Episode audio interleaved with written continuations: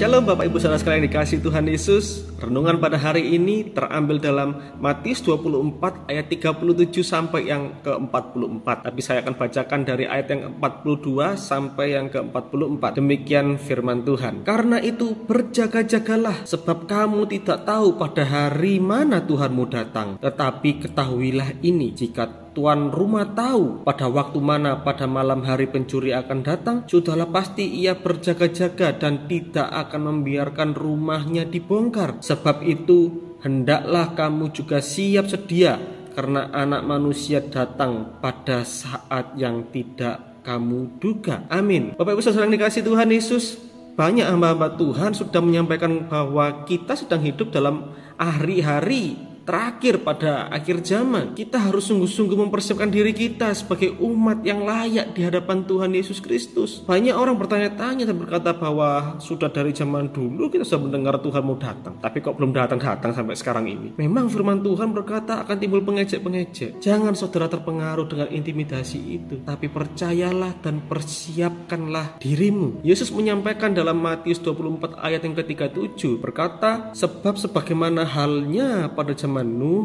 demikian pula halnya kelak pada kedatangan anak manusia. Ribuan tahun lalu Tuhan memerintahkan Nuh untuk membangun bahtera sebelum memusnahkan manusia dan hewan di muka bumi ini. Bapak Ibu bisa baca di kejadian 6. Orang banyak berkata bahwa Nuh itu sudah gila, gak waras karena membangun bahtera di atas gunung lagi. Karena mereka tidak tahu bahwa Tuhan akan melenyapkan mereka dengan air bah. Saudara dan saya tidak tahu kapan hari dan waktunya Tuhan Yesus datang. Tapi kita hanya tahu tanda-tanda zamannya. Dan pesan Tuhan untuk kita dalam Matius 24 ayat ke-42 berkata, "Karena itu berjaga-jagalah sebab kamu tidak tahu pada hari mana Tuhanmu datang." Mengapa orang perlu berjaga-jaga. Mengapa orang percaya perlu berjaga-jaga? Kita berjaga-jaga agar tidak lengah dan menjadi lelah menantikan kedatangan Tuhan yang kedua kalinya. Berjaga-jaga untuk tetap hidup dalam iman dan kesetiaan melakukan firman Tuhan. Berjaga-jaga agar tidak hidup dalam dosa, tetapi hidup dalam Tuhan senantiasa sampai ia datang kembali. Kita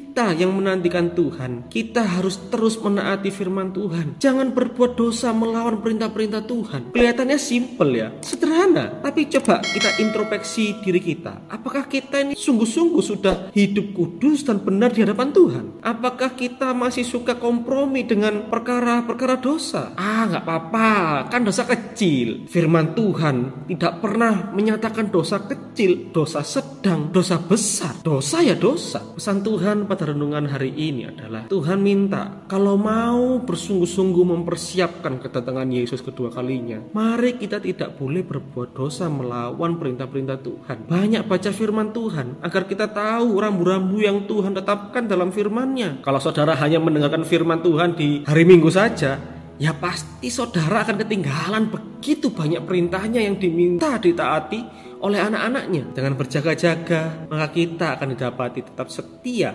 saat Yesus datang kembali kedua kali. Berjaga-jaga membuat kita tidak tertidur dan pelita iman kita senantiasa tetap menyala, menyambut kedatangannya. Lakukanlah hal-hal yang membangun iman setiap hari sebagai bentuk Anda sedang hidup berjaga-jaga menantikan kedatangan Tuhan yang kedua kalinya.